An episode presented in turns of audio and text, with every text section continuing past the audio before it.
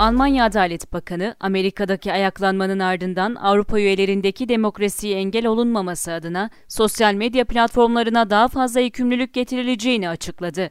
Amerika'da Donald Trump yanlılarının Washington'da kongre binasına saldırmalarıyla çıkan şiddetli çatışmalardan sonra sosyal medya platformları bir kez daha tartışma konusu haline geldi.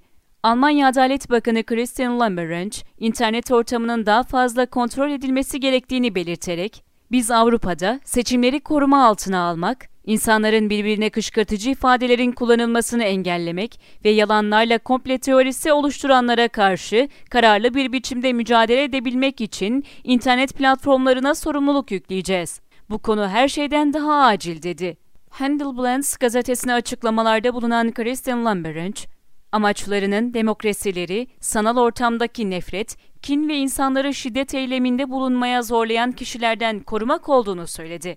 Amerika Kongre binasına yapılan saldırıların bir ayağa kaldırma çağrısı olduğunu söyleyen Adalet Bakanı Lambert, demokrasiler yalanlara ve saldırıcı tutuma destek veren siyasiler ve siyaset kurumlarını net bir şekilde güvence altına alan hukuk devletleri sayesinde yaşar açıklamasında bulundu. Önünü alamadığımız bir popülizm, nefret ve şiddet eylemlerinin ileride nereye gidebileceğini öngörüyoruz açıklamasında bulunan Christian Lambert, Amerika'daki yaşanan olaylardan ABD Başkanı Donald Trump'ı sorumlu tutarak, Trump'ın insanları kışkırtarak demokratik kurumlara karşı aşağılayıcı bir tutum göstermesinin yaşanan olaylara ciddi katkı sunduğunu ifade etti.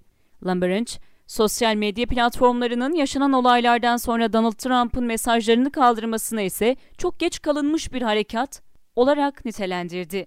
Sosyal medya platformları Trump'ın seçime yönelik değerlendirmelerini içeren mesajlarını çarşamba günü kaldırıp hesaplarını başkanlığı devredene kadar dondurma kararı almıştı.